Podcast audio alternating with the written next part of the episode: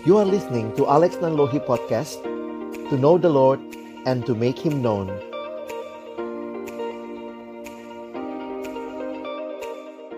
Mari berdoa sebelum kita membaca merenungkan firman Tuhan.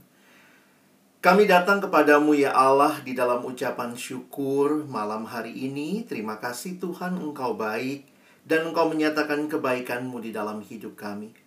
Kembali malam hari ini kami boleh bersekutu memuji memuliakan namamu. Ini adalah anugerah Tuhan yang besar bagi kami. Dan tiba waktunya bagi kami untuk membuka firman-Mu ya Tuhan. Kami mohon ketika kami membuka firman-Mu, bukalah juga hati kami. Jadikanlah hati kami seperti tanah yang baik. Supaya ketika benih firman-Mu ditaburkan itu boleh sungguh-sungguh berakar, bertumbuh dan juga berbuah nyata di dalam hidup kami. Berkati hambamu yang menyampaikan semua kami yang mendengar. Tuhan, tolonglah kami semua. Agar kami bukan hanya jadi pendengar-pendengar firman yang setia, tapi mampukan dengan kuasa dan pertolongan dari rohmu yang kudus, kami dimampukan menjadi pelaku-pelaku firman-Mu di dalam hidup kami, di dalam masa muda kami. Bersabdalah ya Tuhan, kami umat-Mu sedia mendengarnya. Dalam satu nama yang kudus, nama yang berkuasa, nama Tuhan kami Yesus Kristus, kami menyerahkan pemberitaan firman-Mu. Amin. Shalom, selamat malam teman-teman sekalian, baik yang uh, ada ini di mana di gereja kah atau mungkin ada juga yang di ruang Zoom. Bersyukur buat kesempatan ini. Perkenalkan saya Alex Nanlohi. Saat ini saya melayani penuh waktu di pelayanan mahasiswa dan siswa di Perkantas. Saya anggota dalam gereja di GPIB dan juga saya dipendetakan melalui Gereja Kristen Setia Indonesia. Senang sekali boleh dapat undangan ini bertemu dengan teman-teman dari uh, eh, GKPS Pemuda GKPS Cikoko ya. Thank you Jopil yang juga untuk uh, undangan uh, kali ini memperkenalkan kita bisa ketemu sama-sama. Nah, malam hari ini saya ingin mengajak teman-teman untuk melihat tema yang diberikan kepada kita dan nanti ada kesempatan ya. Mungkin kalau uh, di akhir kalau ada hal-hal yang teman-teman ingin tanya lebih jauh saya memberi waktu. Nanti kita juga bisa uh, sama-sama uh, berdiskusi begitu ya. Nah ini bicara tentang our complaints of works of work ya. Jadi ya ini menarik untuk teman-teman pahami bahwa ternyata di dalam kehidupan kita khususnya waktu kita bicara pekerjaan sebenarnya kalau bicara pekerjaan ini termasuk juga yang lagi studi begitu ya itu bagian dari apa yang Tuhan percayakan kepada kita ternyata ada hal-hal yang kita komplain ada hal-hal yang kita keluhkan. Dan mari kita coba lihat sama-sama bagaimana di dalam Alkitab sebenarnya membingkai kita untuk bisa memahami hal ini dengan tepat ya.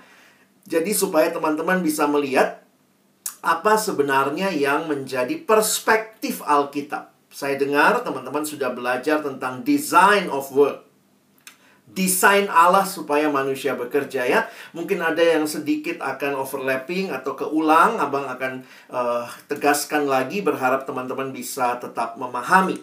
Nah, saya mau mulai dengan pendekatan ini ya, bahwa sebenarnya sadar atau tidak, setiap kita sedang menghidupi sebuah cerita. Sadar atau tidak, semua kita sedang menghidupi sebuah cerita. Apa sih yang dimaksud dengan sebuah cerita? Cerita itu sebenarnya yang membuat kita akan mempunyai arti dalam kehidupan. Nah, saya kasih contoh begini ya. Keputusan yang kalian ambil, apa yang menjadi pilihan-pilihan teman-teman, itu semua terkait sebenarnya sadar atau tidak dengan sebuah cerita. Jadi cerita itu bisa macam-macam ya. Cerita yang kita dapat dari keluarga kita, cerita yang kita dapat mungkin dari studi kita, cerita yang kita dapat dari masyarakat kita, dari budaya kita. Misalnya ceritanya apa? Oh, pekerjaan yang uangnya banyak dokter. Nah, itu kan cerita ya. Jadi akhirnya kalau kita bicara seperti itu, kenapa mau jadi dokter?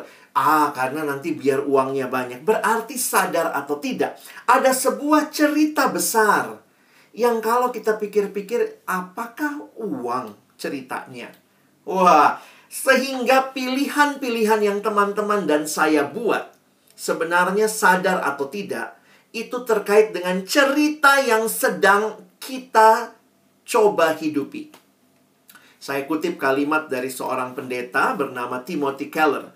Dia mengatakan begini, orang tidak bisa membuat sesuatu membuat apa pun menjadi sesuatu yang masuk akal atau memiliki arti tanpa menempatkannya di dalam semacam alur cerita. Jadi, karena ada ceritanya, maka ditanya, "Kenapa pilih itu? Kenapa kuliahnya kuliah itu?" Oh, karena ada ceritanya, ya. Jadi sesuatu itu meaningful karena kita sedang menempatkannya di dalam semacam alur cerita, sadar atau tidak. Jadi kalau kita bicara apa sih arti hidup? Nah, apa sih artinya sukses? Nah, ini juga terkait dengan cerita apa yang sedang membentuk kita. Macam-macam ya. Ada yang melihat sukses itu kalau S1 selesai, S2, S3 gitu ya. Ada yang bilang, Allah nggak peduli S1, S2, S3. Karirnya bagaimana? Wah, ada lagi yang bilang, wah, karir sih naik terus pimpinan, tapi duitnya seberapa? Wah, sehingga cara orang melihat kesuksesan itu juga tergantung sebenarnya sadar atau tidak cerita apa yang dia bawa. Atau ada yang melihat, ah ngapain punya semua itu. Tapi ternyata masih single. Ah, mendingan gue deh. Live happily ever after. Dan ini banyak menjadi hal-hal yang terjadi di sekitar kita. Intinya manusia mau bright future ahead. Tetapi pertanyaan yang mendasar, ngapain sih kita di dalam dunia ini? What on earth am I here for?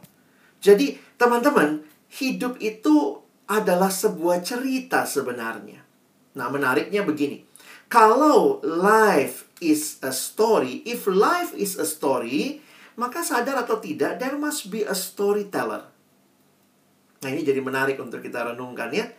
Bahwa ternyata di dalam Alkitab, awal mula segalanya karena ada yang mencipta. Wah, jadi kalau kita baca di dalam kitab kejadian ya, ini juga biasa dibaca kalau bicara design of work, maka manusia ini diciptakan Allah. Perhatikan saja kalimat yang Abang bold di situ. Manusia diciptakan menurut gambar dan rupa Allah, menurut gambar Allah. Ini menunjukkan bagaimana manusia hidupnya mewakili Allah. Ya, ada yang bilang itu imago Dei. Nah, itu bahasa Latin yang berarti imago adalah image, godei, imago dei, maksudnya dei adalah Allah, image of God. Nah, jadi teman-teman, kalau demikian, maka perhatikan ya. Perhatikan, kalau memang demikian, kita adalah ciptaan Allah, maka sebenarnya cerita siapa yang sedang engkau dan saya bawa? Logikanya, bukan ceritamu, bukan ceritaku, tetapi cerita pencipta kita. Nah, ini yang harusnya kita pahami, ya. Karena sadar atau tidak, dunia ini memberikan kita berbagai macam cerita. Apalagi nanti kita lihat ya dunia yang sudah jatuh ke dalam dosa. Jadi, akhirnya manusia merasa melihat bahwa oh yang penting adalah apa ceritaku. Sehingga di mana posisi Tuhan? Yang terjadi seperti ini kira-kira ya. Jadi ini ceritaku, lalu kita bilang, Tuhan masuklah ke dalam ceritaku. Sebenarnya kalau kita belajar Alkitab bukan demikian.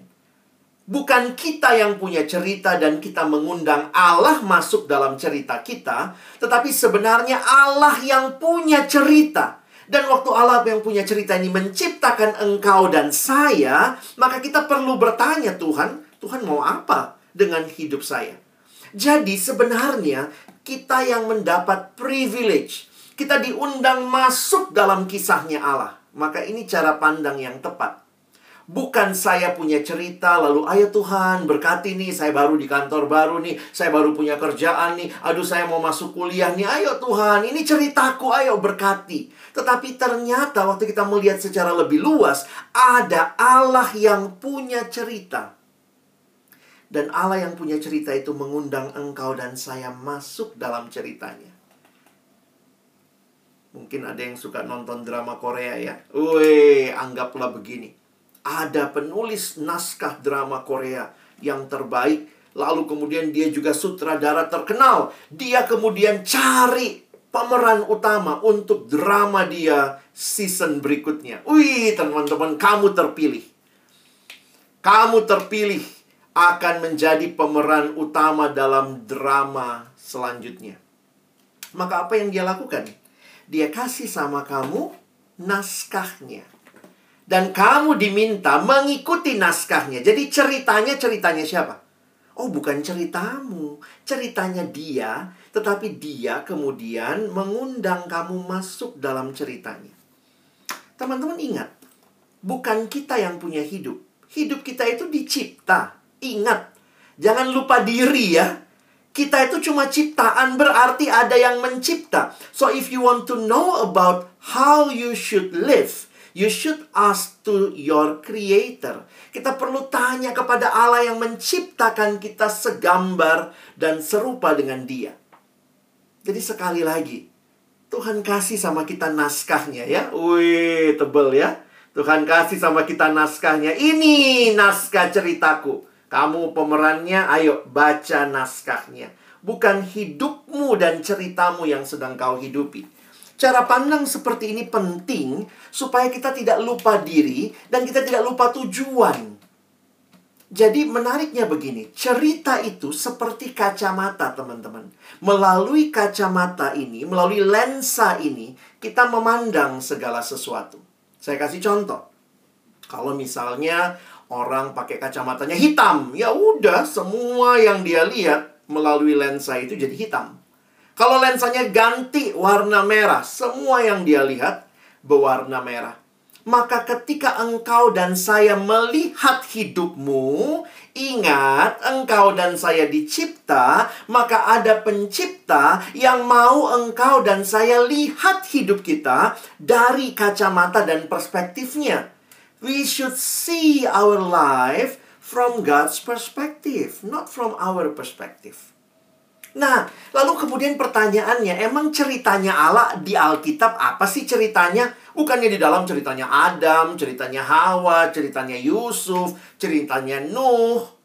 Di perjanjian baru ada ceritanya Paulus, ada ceritanya Timotius. Lalu mana ceritanya Allah? Maka kalau kita perhatikan, nah ini contoh ya, ini menarik sekali. Pendekatan di dalam Alkitab, kalau kita melihat, nah anggaplah ini Alkitab. Kalau diperes, coba kita peres gitu ya. Ternyata Alkitab punya cerita utama. Cerita utama yang dimulai di kitab kejadian dan sampai di kitab Wahyu. Teman-teman, ini bisa kita sebut dengan the big story of the Bible. Nah, sekarang Abang memberi kalian lensa ya. Saya mau kasih kamu lensa. Lensanya dari mana? Bukan dari kita, tapi lensa melihat semua realita hidup harus kita lihat dari perspektif Alkitab.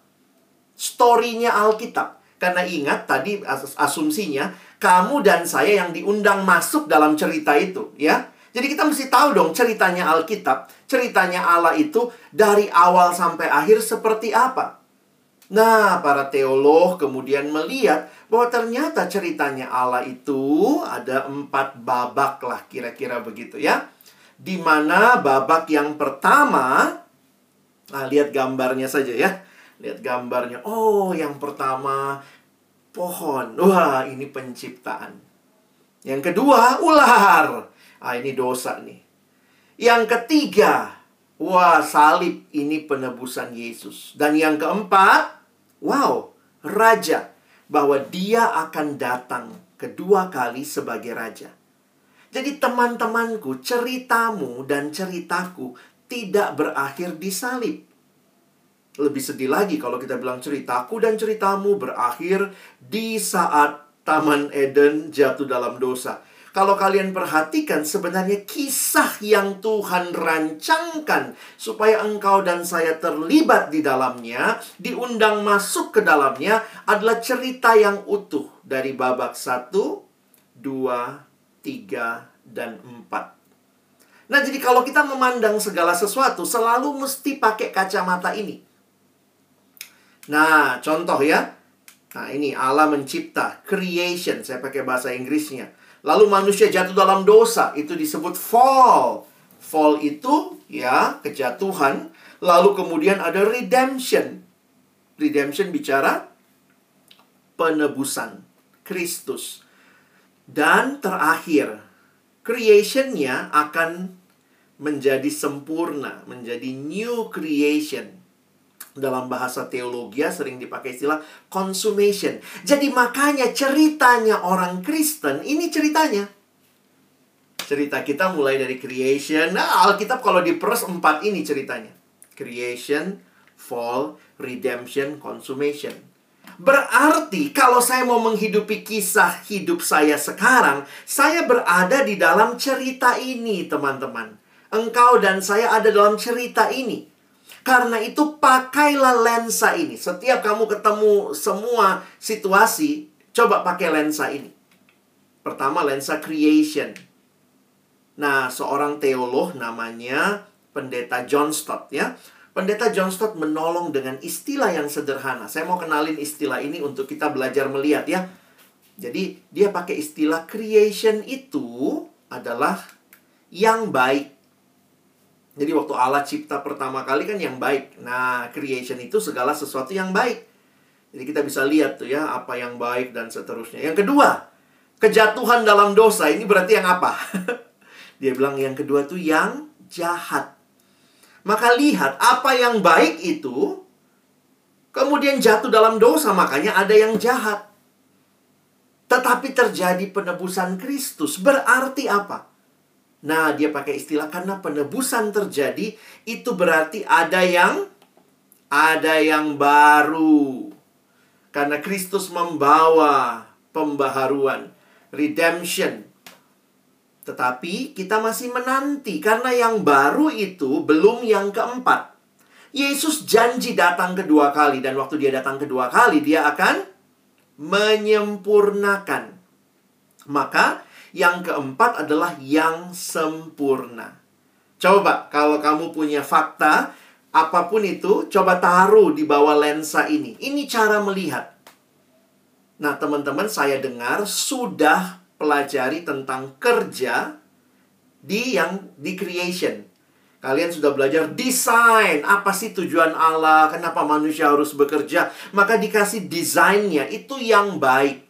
Tetapi kemudian jatuh dalam dosa, makanya ada sesi hari ini. Kenapa kok saya komplain ya kalau itu yang baik? Karena ternyata tidak berjalan sebagaimana mestinya dosa menjadi realita yang kita hadapi sehingga ada komplain, ada dissatisfying, ada ketidakpuasan, ada ada korupsi, ada kolusi itu semua F uh, apa ya? every single ya complain itu berkaitan dengan yang jahat. Tapi ingat teman-teman ya, hari ini Abang akan ngomong dua hal tentang fall and redemption. Ya, sedikit menyinggung consummation ya. Tetapi ingat, kalian sudah belajar kerja itu adalah untuk Tuhan, desainnya Allah menciptakan kita segala macam. Tapi kemudian realitanya manusia sudah jatuh dalam dosa, dunia sudah jatuh dalam dosa, maka kita harus melihat bahwa ada bagian yang harus kita hadapi. Bos yang arogan, bos yang sok tahu atau kalau kalian jadi bos ada anak buah yang susah diatur, ada kemudian komplain soal ini, soal itu, itu bagian dari fall yang jahat. Tapi kalau kalian berhenti di sini, ingat ceritanya nggak berakhir di sini. Ceritanya masuk ke yang yang baru. Makanya buat kita orang percaya, orang Kristen ada sikap yang baru. Meskipun realitanya yang kita alami tetap memang ada yang jahat, nggak ada pekerjaan yang nggak nggak uh, yang yang bebas dari dosa ya.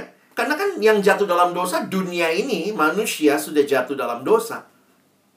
Bahkan di gereja pun gitu ya, kami hamba Tuhan pun berhadapan juga dengan berbagai situasi yang tidak tidak tidak sempurna. Tetapi apakah selesai cerita kita? No, Yesus datang membawa pembaharuan. Karena itu kita bisa melihat ada ada harapan. Jangan kalau bos jahat terus kita tambah jahat ya sudahlah, nggak ada harapan.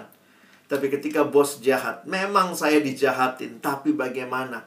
Tuhan Yesus kasih saya kasih, berikan saya kesabaran, berikan saya pengampunan, kamu punya sikap yang baru di dalam pekerjaan. Walaupun realitanya ya bosmu tetap sama ya. Kadang-kadang yang berubah bukan bosnya teman-teman ya. Kayak Tuhan izinin nih bos yang bikin kamu lebih sabar deh gitu ya. Yang berubah mungkin bukan situasi pekerjaanmu. Bahkan realitanya memang masih ada kesulitan. Tetapi Tuhan mungkin juga sedang mengubah kamu melalui pekerjaan yang sedang dia percayakan kepada kamu. Dan kalaupun kamu mengeluh Tuhan sampai berapa lama Tuhan bilang ya tunggu ya. Aku akan datang kedua kali dan yang sempurna itu akan datang. Jadi orang Kristen punya pengharapan bahkan di dalam pekerjaan. Jadi ceritanya ini nih. Cerita kita tuh bukan cerita balas dendam. Kalau ada bos ya kita balas lebih jahat lagi. Oh bukan begitu, itu cerita sinetron. Jadi kadang-kadang tanpa sadar yang masuk dalam pikiran kita bukan cerita Alkitab. Kalau cerita Alkitab ini ceritanya. Creation, fall, fall itu bukan bukan the last word. Karena ada redemption.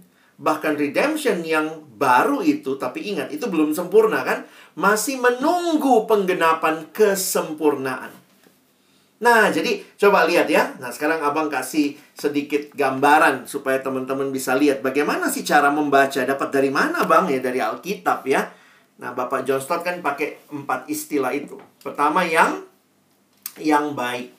Penciptaan itu yang baik. Jadi dalam penciptaan seluruh alam semesta adalah ciptaannya dan milik Allah. Itulah sebabnya penciptaan adalah baik.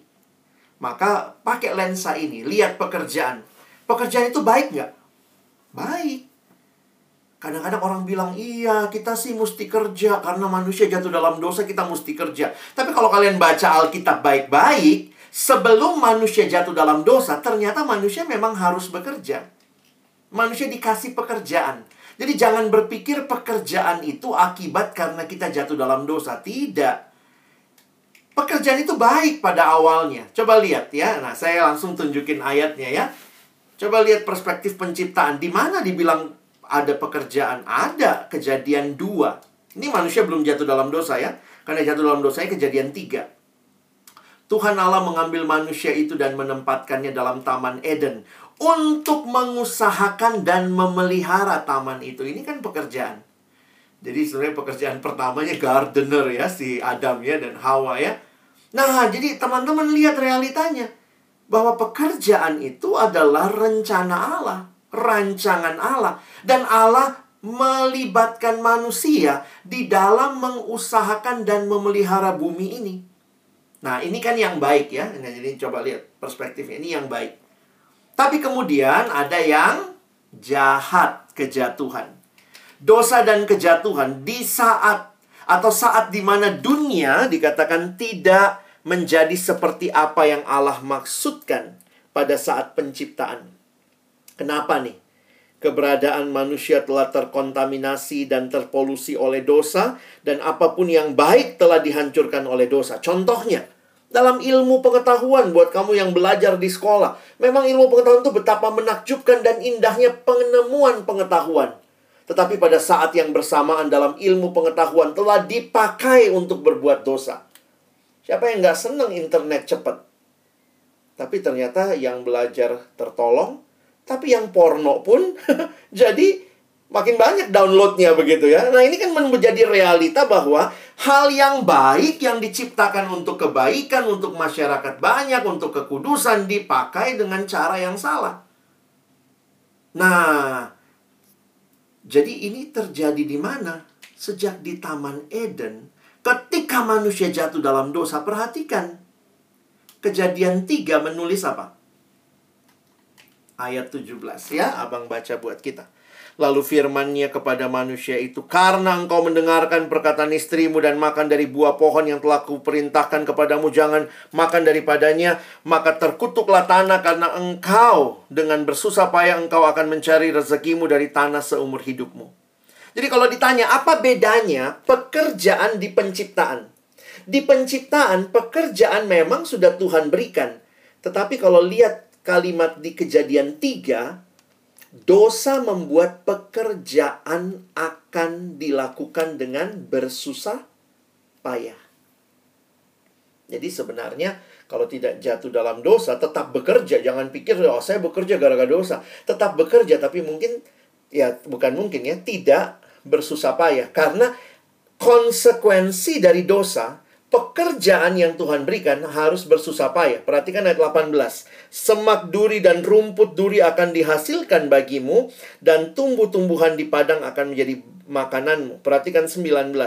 Dengan berpeluh engkau akan mencari makananmu sampai engkau kembali lagi menjadi tanah karena dari situlah engkau diambil sebab engkau debu dan engkau akan kembali menjadi debu. Nanti kita lihat lagi sedikit tentang dosa ya. Nah, baru yang ketiga adalah penebusan. Penebusan ini memberikan pengharapan. Karena sekalipun dunia kita telah tercemar oleh dosa, Allah masuk ke dalam dunia. Dia menebus, menjadikan baru, dan melalui kehidupan, kematian dan kebangkitan Yesus ada sebuah ciptaan baru. Tapi ingat itu belum sempurna. Makanya kita yang sudah dibaharui masih bisa jatuh dalam dosa. Nah, itu pergumulan kan tiap hari ketemu bos yang ngeselin. Aduh, saya anak Tuhan, saya sudah ditebus, saya nggak boleh balas, saya mesti doain dia. Tapi kadang-kadang kita kesel juga, ini bos nih, kita uh, tulis status, gue bete gitu ya. Nah, kita belum sempurna, tetapi kita punya pilihan untuk jadi ciptaan baru. Karena apa? Itulah karya Kristus. Dan di mana?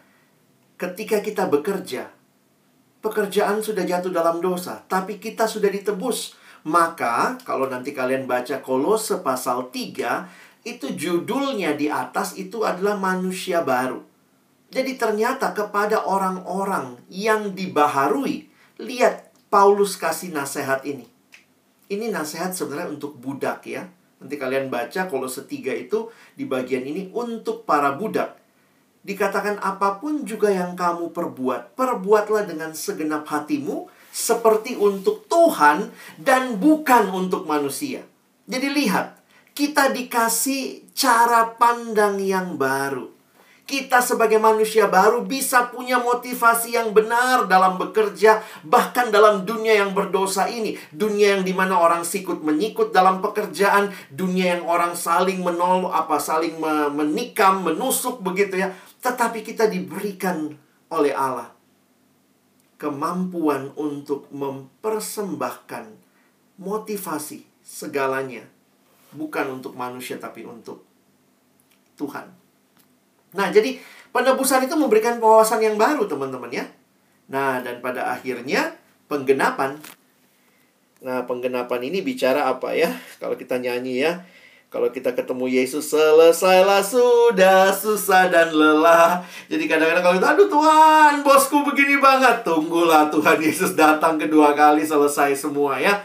Tentu di dalamnya bukan ya bukannya kita putus asa gitu ya. Aduh Tuhan, datanglah segera ya kalau kita mungkin punya bos yang ngeselin banget Terus kita minta Tuhan datanglah selesaikan bos saya Selesaikan dia gitu ya Tapi Tuhan bilang belum Aku masih sedang membentuk kamu lebih sabar Lebih setia berdoa Nah itu menjadi bagian yang Tuhan sedang kerjakan dalam hidup kita Nah jadi teman-teman Pakai lensa ini kamu mau lihat bidang apa saja, kamu kerja atau studi bidang apa saja. Kadang abang pikir gini ya, maka sebenarnya setiap orang coba perhatikan. Kalau kamu di dunia hukum, maka kamu mesti lihat, ya apa nih? Misalnya bidang hukum, apa yang baik? Wah, hukum itu baik. Wah, Tuhan kasih hukumnya, Tuhan kasih law. Tetapi apa yang jahat? Hukum diputar balikan. Siapa yang paling pintar mutar balikin hukum? Eh, anak-anak fakultas hukum ternyata ya. ya, ketika dosa masuk, maka di tempat yang paling gak adil di mana? Di pengadilan katanya gitu ya. Tetapi karena itu ada hakim Kristen, ada jaksa Kristen, ada lawyer Kristen yang mengalami redemption. Maka kamu punya cara pandang yang baru. Wah, saya mau jadi berkat di dunia hukum. Saya mau jadi berkat di sana. Mudah nggak? Nggak mudah. Tapi bisakah kamu sebagai bagian yang kecil? Ya saya pikir bisa. Karena Tuhan sudah selamatkan kamu. Kamu tidak bisa mengubah seluruhnya. Itu tunggu Yesus datang kedua kali. Tetapi bagian yang kamu bisa kontribusikan. Bagi saya menarik. Kita tidak bisa mengenyahkan kegelapan. Tetapi paling tidak kita bisa menyalakan sebatang lilin di dalam kegelapan. Itulah semangatnya anak-anak Tuhan di dalam dunia yang gelap ini. Kan itu Tuhan bangkitkan di dunia hukum. Ada yang anak-anak Tuhan kan? Pemuda, kaum muda, kalian kenal Tuhan Yesus, ya belajar hukum, ada yang baru mau masuk kuliah, belajar ekonomi, belajar sosial politik, Tuhan panggil kamu masuk ke sana, ke pekerjaan-pekerjaan di dalam berbagai dunia ini, bidang hukum, bidang ekonomi. Selalu ingat, ceritanya tidak selesai di kejatuhan. Bidang sosial, bidang teknologi. Kalau kalian lihat juga ya bagaimana kita mengembangkan teknologi, bidang seni budaya, bidang politik. Jadi kalau kita perhatikan teman-teman, ya itulah seluruh bidang ini harus kita persembahkan sama Tuhan. Nah, sekarang Abang coba soroti sebagai bagian terakhir ya. Sebenarnya komplain-komplain kita di dalam pekerjaan karena fall ini, saya coba soroti apa sih natur dosa dalam pekerjaan kita? Coba nanti kamu perhatikan, baik yang kamu sendiri alami maupun yang orang lain lakukan dan kamu mungkin kena imbasnya. Bos yang mungkin nggak bener, eh teman kerja yang mungkin nggak nggak bener ya. Kadang-kadang kalau kita pikir-pikir apa sih natur dosa? Dosa dari dulu sampai sekarang sama intinya, ya. Jadi ya makanya kalau kalau kalian rajin baca Alkitab sih nggak kaget ya lihat. Ih korupsi. Jangan aduh kenapa sih udah kaya masih korupsi? Aduh Alkitab udah bilang ini naturnya dosa. Makanya orang yang rajin baca Alkitab nggak nggak kaget deh nggak cepet mati kayak kaget. Ih kok begitu? Ih kok begini? Ada semua di Alkitab ya. Karena natur dosa dari dulu sampai sekarang nggak berubah termasuk dalam pekerjaan jadi dalam pekerjaan dari dulu sampai sekarang dosanya kayak apa sih? ya tipis-tipis lah ya.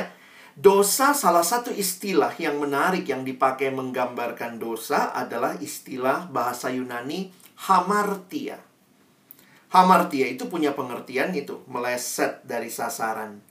Jadi kalau orang memanah harusnya kan kena bidang sasaran panah kalau perlu yang paling tengah. Ini boro-boro kena bidangnya ya. Apalagi kena yang paling tengah. Ini meleset dari sasaran. Itulah dosa. Bayangkan, yang baik, yang baik itu adalah apa? Manusia berelasi dengan Allah. Manusia berelasi dengan sesama. Tetapi dosa menjadikan manusia bahkan membuang Allah. Kejadian pasal yang ketiga Bahkan waktu ditanya sama Adam, kau makan buah pohon itu? Dia salahin, nah ini nih yang kasih aku makan nih. Dia tunjuk istrinya. Hamartia, manusia harusnya memuliakan Allah, malah meleset. Tidak memuliakan Allah. Harusnya manusia mengasihi sesama, meleset tidak mengasihi sesama. Ketemu nggak di pekerjaan seperti itu? Ketemu. Ketemu nggak dalam pendidikan seperti itu? Ya ketemu juga. Karena apa? Kita kan masih berelasi antar manusia ya. Jadi dari dulu sampai sekarang naturnya itu ya manusia sebenarnya hanya puas di dalam penciptanya. Makanya teman-teman hati-hati kalau kemudian manusia menukar kepuasannya. Jadi dia puas kalau dapat uang banyak. Kita butuh uang, tapi uang bukan Allah. Kepuasan sejati kita dapat dari pencipta. Makanya di dalam dosa, kita semua sering kali menempuh cara yang tidak sehat untuk mengisi kekosongan hati yang sebenarnya hanya bisa dipuaskan oleh Allah. Saya senang dengan definisi dosa yang diberikan oleh pendeta John Piper. Dia bilang begini ya, dosa itu sebenarnya manusia waktu cari kepuasan di luar Tuhan. Dosa adalah apa yang engkau lakukan ketika hatimu tidak puas dengan Allah. Sin is what you do when your heart is not satisfied with God. Hati-hati kalau pekerjaan jadi berhala. Ini juga mungkin ya. Kamu merasa ya pekerjaan membuat kamu punya harga diri. Ada orang yang seperti itu. Jadi harga dirinya dia taruh sama pekerjaannya. Maka begitu dia berhenti kerja, Aduh ini sedih ya, kadang-kadang abang ketemu di kebaktian pemuda, di persekutuan pemuda, di gereja-gereja. Kenapa dia nggak datang? Dia belum kerja, malu datang. Karena apa? Harga dirinya dia taruh di pekerjaan. Memang juga gitu ya, kita juga yang kadang-kadang sudah kerja, jangan, eh udah kerja di mana? Nggak semua orang seneng ditanyain seperti itu ya. Tapi hati-hati, ketika kamu ganti Allah dengan hal-hal yang lain maka dosa itu kan fokusnya aku. How do you spell sin? Dari dulu sampai sekarang dosa ya S-I-N ya. S-I-N. What is sin? Sin is the I in the center. Dan ketemu nggak di pekerjaan yang kayak begitu? Oh ketemu. Kamu bilang iya tuh si bapak itu tuh, aduh, yang paling penting dia puas, aku puas, aku senang, aku untung, aku aman, akulah segala-galanya. Bukan Allah, bukan sesama. Tidak heran manusia korupsi. Dalam pekerjaan manusia cari untungnya sendiri, sikut teman, cari muka, kita yang kerjakan dia yang dapat pujian, merasa I am everything. Jadi dari dulu memang tidak ada yang berbeda ya Your complaint is about all this lah. Termasuk di sekolah, di pendidikan. Komplain-komplain kita tuh, aduh, tapi jangan lupa ya, kadang-kadang kita bilang, dia sih cari muka banget. Jangan-jangan kita juga cari muka. Karena ini kan yang yang berdosa bukan cuma dia, saya juga ya. Bahwa saya juga bisa jatuh dalam dosa yang sama ketika Kristus menebus kita. Harusnya kita berbeda. Makanya perhatikan, hati-hati dengan dosa. Mulai dari yang kecil gitu ya. Dosa tuh menyusup perlahan-lahan. Kita berontak kepada Allah secara sadar, perlahan terjadinya memang pelan-pelan. Kita nggak mengenali dampaknya yang menghancurkan. Apa yang terjadi? Nah ini. Kehilangan rasa hormat terhadap diri sendiri. Gile, gile, masa dia korupsi sih? Kayak nggak ada lagi harga dirinya. Padahal kadang-kadang yang korupsi udah kaya ya. Kehilangan kemampuan berpikir sehat. Nah ini Kehilangan kemampuan untuk berkata jujur, mulai tipu-tipu. Kehilangan kemampuan untuk memberi karena boro-boro memberi. Dalam dosa orang akan hidup buat dirinya sendiri. Kehilangan kemampuan untuk mengasihi, nggak apa-apa korbanin temen, yang penting gue maju. Kehilangan kemampuan untuk hidup kudus, tidak heran di pekerjaan juga. Komplainnya apa? Banyak relasi-relasi tambahan. Wih, tidur bareng dia. Nggak apa-apa, temen kerja besok kayak nggak ada apa-apa. Ini realita-realita yang ada di sekitar kita. Apakah ini cerita terakhir? Tidak, ya. Karena apa? Karena cerita kita, engkau dan saya ditebus. Dan penebusan itu memberikan kepada kita hal yang baru, teman-teman. Ingat ya, hal yang baru. Apa yang kita rayakan dua hari ini ya, waktu kita bicara Jumat Agung, kita bicara Paskah, kita bicara Sabtu Sunyi hari ini, The Cross of Christ. Saya tutup dengan pengharapan yang baru ini. Dan ini siapa yang alami? Semua kita yang terima Yesus di hati kita. Maka kita ada di dalam dunia yang complain of works.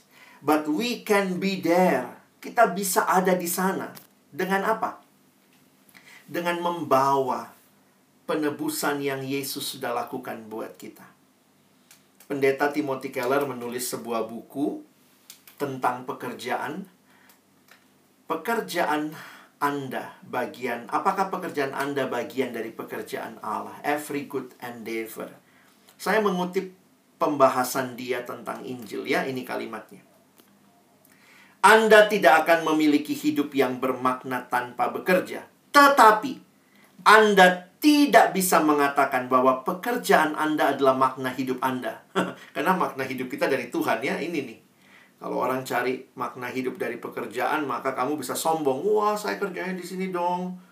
Kalau kerjanya di tempat yang bonafit, rasanya keangkat harga diri kita. Berarti kamu tidak punya kepuasan dalam Kristus. Jika Anda membuat pekerjaan mana pun menjadi tujuan hidup Anda, bahkan jika pekerjaan itu adalah pelayanan gerejawi sekalipun. Kalau saya pendeta, wih, saya ngejar kependetaan gitu ya. Anda menciptakan suatu berhala yang menyaingi Allah. Tapi apakah ada pengharapan? Yes. Kematian dan kebangkitan Yesus. Injil memberikan kisah yang baru. Ingat ya, Kita lagi bicara kisah, cerita. Bagaimana Injil Kristen secara nyata melengkapi kita dengan sumber daya-sumber daya untuk bekerja lebih terinspirasi, lebih realistis, memuaskan dan setia sekarang ini. Dengan cara apa? Nah, dalam bukunya dibahas ya, abang cuma kutip saja. Kalau mau penjelasan nanti dalam tanya jawab saya bisa jelaskan ya. Ada empat hal yang dia bilang. Pertama, Injil men menyediakan suatu alur kisah alternatif bagi pekerjaan kita. Bahwa kita bisa hadir membawa pembaharuan memang tentunya tidak sempurna. Tetapi satu orang jujur di dunia hukum pasti ada dampaknya. Tapi kalau saya jujur masih ada seratus yang lain yang nggak jujur. Tidak masalah, itu urusan mereka. Tetapi satu yang jujur, itu pasti punya dampak. Yang kedua, Injil atau iman Kristen memberi kita suatu konsep pekerjaan yang baru dan kaya sebagai mitra dengan Allah dalam kasih dan kepeduliannya bagi dunia ini. Ingat ya, kalau tadinya kamu pikir ini ceritamu, lalu minta Allah masuk, maka kamu tokoh utamanya. Tapi ketika kita baca Alkitab, kita tahu justru Allah yang bermitra. Tuhan terima kasih kau undang aku. Tuhan sedang membaharui dunia hukum, dunia ekonomi. Tuhan undang saya untuk berbagian. Maka kita tidak akan pernah lupa diri. Tuhan terima kasih aku diundang di dunia hukum, di dunia ekonomi, di dunia ilmu pengetahuan. Ya. Kita mitranya Allah. Allah panggil kita. Yang ketiga, Injil memberi kita suatu kompas moral yang sangat peka melalui serangkaian panduan etis yang sehat untuk menolong kita mengambil keputusan-keputusan maupun nasihat-nasihat yang bijak tentang hati manusia. Bos susah kita hadapi. Apa yang kita muncul? Ya kita muncul dalam benak kita. Kalau dia memperlakukan saya tidak seba sewajarnya, maka saya bisa belajar mengampuni dia. Saya bisa melakukan uh, memperjuangkan keadilan yang saya harus dapat, tetapi saya tetap menghormati dia. Jadi Alkitab tidak membuat kita jadi ya kalau dipukul balas lagi, balas lagi. Saya pikir bukan demikian. Injil memberikan kepada kita respon moral yang tepat. Dan terakhir, Injil, kalau saya bicara Injil itu berarti kematian dan kebangkitan Kristus secara radikal mengubah motivasi kita untuk bekerja.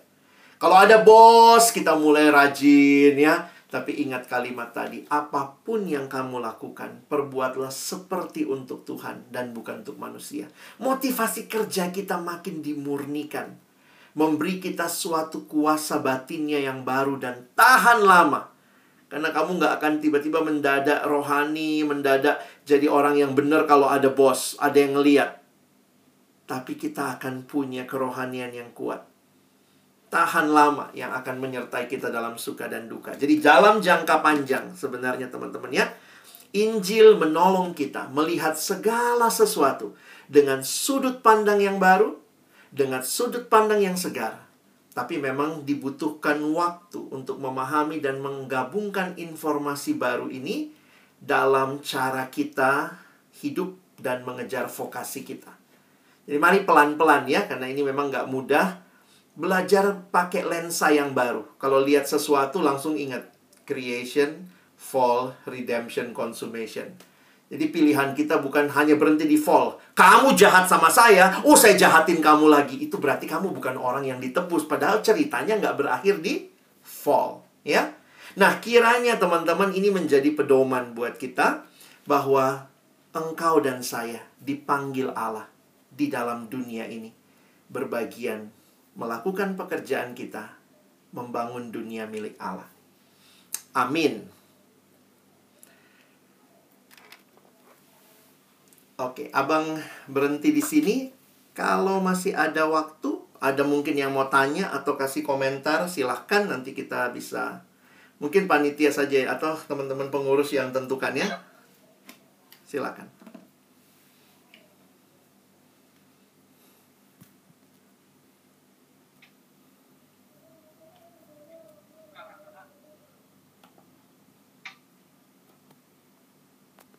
Kedengaran nggak? Ya, kedengaran. Bang, aku mau tanya nih terkait yang apa ya menyikapi dalam kehidupan nyata kita sebagai pekerja terkadang tuh banyak Hmm.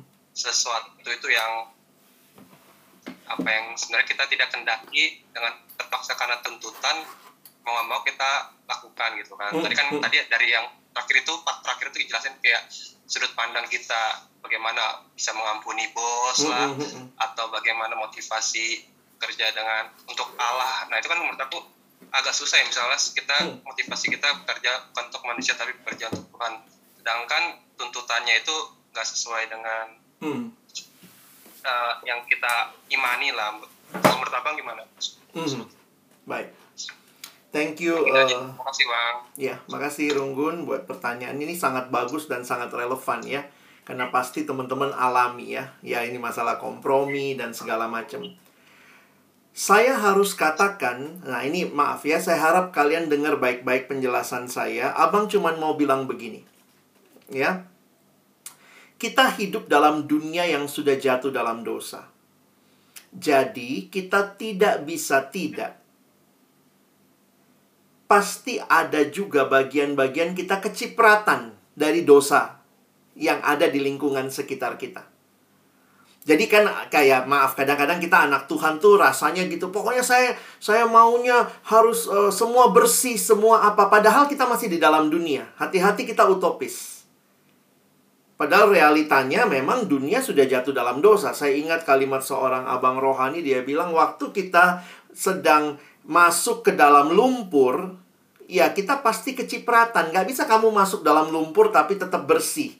Nah, apakah kemudian ini berarti bolehkah kita ikut kompromi, ikut berdosa? Saya pikir di situ kita punya pilihan. Nah, ini ada cerita di zaman yang lalu lah ya, masih zaman-zaman yang birokrasi lebih sulit. Untuk sebuah tender proyek itu keluar, itu harus melewati tujuh meja. Tujuh meja harus kasih tanda tangan, dan biasanya, biasanya untuk memenangkan tender orang setor amplop ya. Ini amplopnya Pak ya. Pindah meja berikutnya. Ini amplopnya. Nah, seorang abang yang saya kenal, dia bertugas menjaga salah satu meja itu. Sehingga saya bilang, jadi abang bagaimana ketika semua korupsi? Berarti kalau dia dapat tender itu kan berarti karena korupsi dong bang. Dia bilang begini ya, bagi dia, paling tidak ketika lewat di meja dia, dia tidak akan terima sogok. Nah, ini ini bagi saya jadi satu penghayatan ya, bahwa mungkin engkau tidak bisa mengubah seluruhnya. Tetapi bagianmu walaupun itu kecil, itu yang perlu kamu pegang. Nah, sekarang balik lagi ke pertanyaan eh, Runggun tadi, bagaimana ketika ada hal-hal yang tidak sesuai?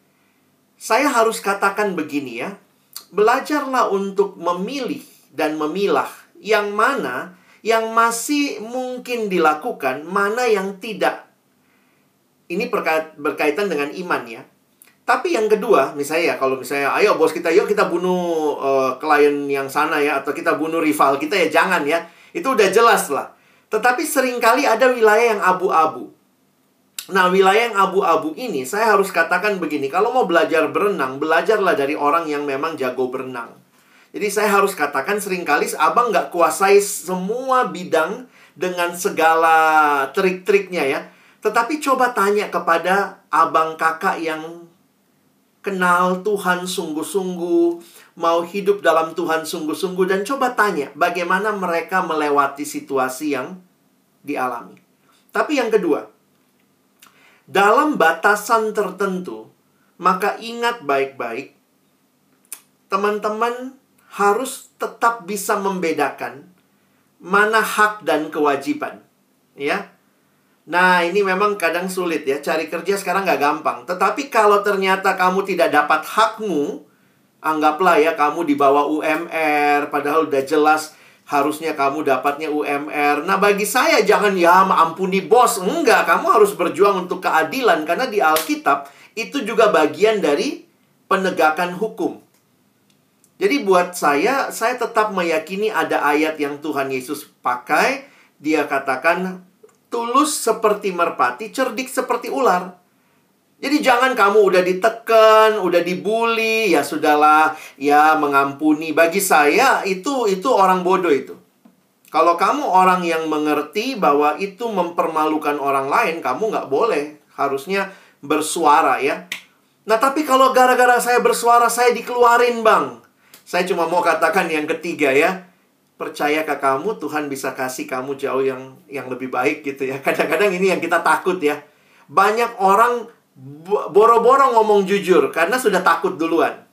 Tapi ya, bagi saya, kalau kamu percaya pemeliharaan Allah, ketika di tempat ini Tuhan misalnya tutup jalanmu atau orang ini menutup jalanmu, saya yakin Tuhan akan bukakan di tempat lain kalau kamu berjuang juga. Saya pikir itu prinsip yang umum ya.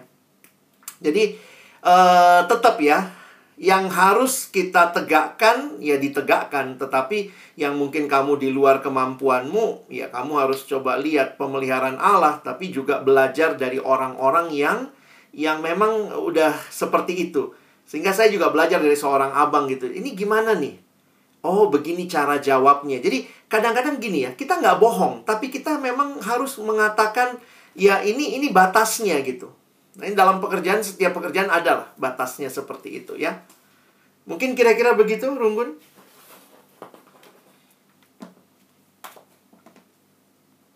Ya, silakan Jopio. Uh, apa ya? Mungkin pertanyaannya agak uh, basic gitu. Nggak apa-apa. Tapi kadang, kadang hal yang paling sulit adalah udah tahu Injil gitu ya, udah tahu hmm. Kristus mati bangkit bagi kita gitu. Yeah. Dan segala hal itu udah ditebus juga bagi kita. Tapi lupa terus gitu bang. Jadi kayak kayak hari ini ingat nih. Hmm. E, nanti mau tidur udah lupa gitu. dan terus kayak besok-besok ngeluh lagi dan kayak nggak keinget lagi gitu. Apa ya? Aku nggak tahu sih pertanyaan apa, apa bagaimana caranya atau aplikasi yang mungkin praktis gitu supaya kita tuh bisa teringat dan terdorong gitu untuk kayak hmm, hmm. ingat akan itu yang udah tadi itu gitu. Itu deh bang pertanyaan. Curhat uh, ya. Ya itu itu real ya. Uh, bagi saya menarik ya bahwa pertama sadari dulu lah lupa itu ya itulah manusia. Kita masih mungkin lupa. Kita masih mungkin berdosa. Jadi jangan juga utopis berharap tidak mungkin berdosa lagi. Bagi saya ketika saya ke gereja lalu di situ ada kesempatan untuk mengaku dosa, bagi saya itu mengingatkan bahwa kita belum sempurna. Nah, tapi kesadaran itu tidak membuat kita menyerah saya melihat Tuhan sudah kasih semua yang teman-teman dan saya butuhkan untuk hidup benar, hidup di dalam Injil, mengingat apa yang Tuhan lakukan buat kita. Maka saya selalu ingatkan ada tiga hal yang Tuhan kasih ya. Ini Tuhan sudah kasih, bukan belum kasih. Tinggal bagaimana kita memanfaatkannya. Pertama, Tuhan kasih kita Roh Kudus. Itu adalah pribadi Allah sendiri yang diam di dalam kita. Makanya dalam Galatia dikatakan hiduplah dipimpin oleh Roh Kudus. Jadi ingat, kita sudah punya Roh Kudus. Maka beri dirimu dipimpin oleh Roh Kudus. Ketika Yesus bicara, Roh Kudus itulah yang akan mengingatkan kamu. Bagi saya itu menarik ya. Bukannya ingatan saya cukup kuat, tetapi ketika saya berserah, saya bersandar, maka Tuhan mengingatkan kita ya akan dosa, menyingkapkan dan seterusnya. Yang kedua, Tuhan kasih firman-Nya Alkitab. Maka baca dan renungkanlah. Firmanmu pelita bagi kakiku, terang bagi jalanku.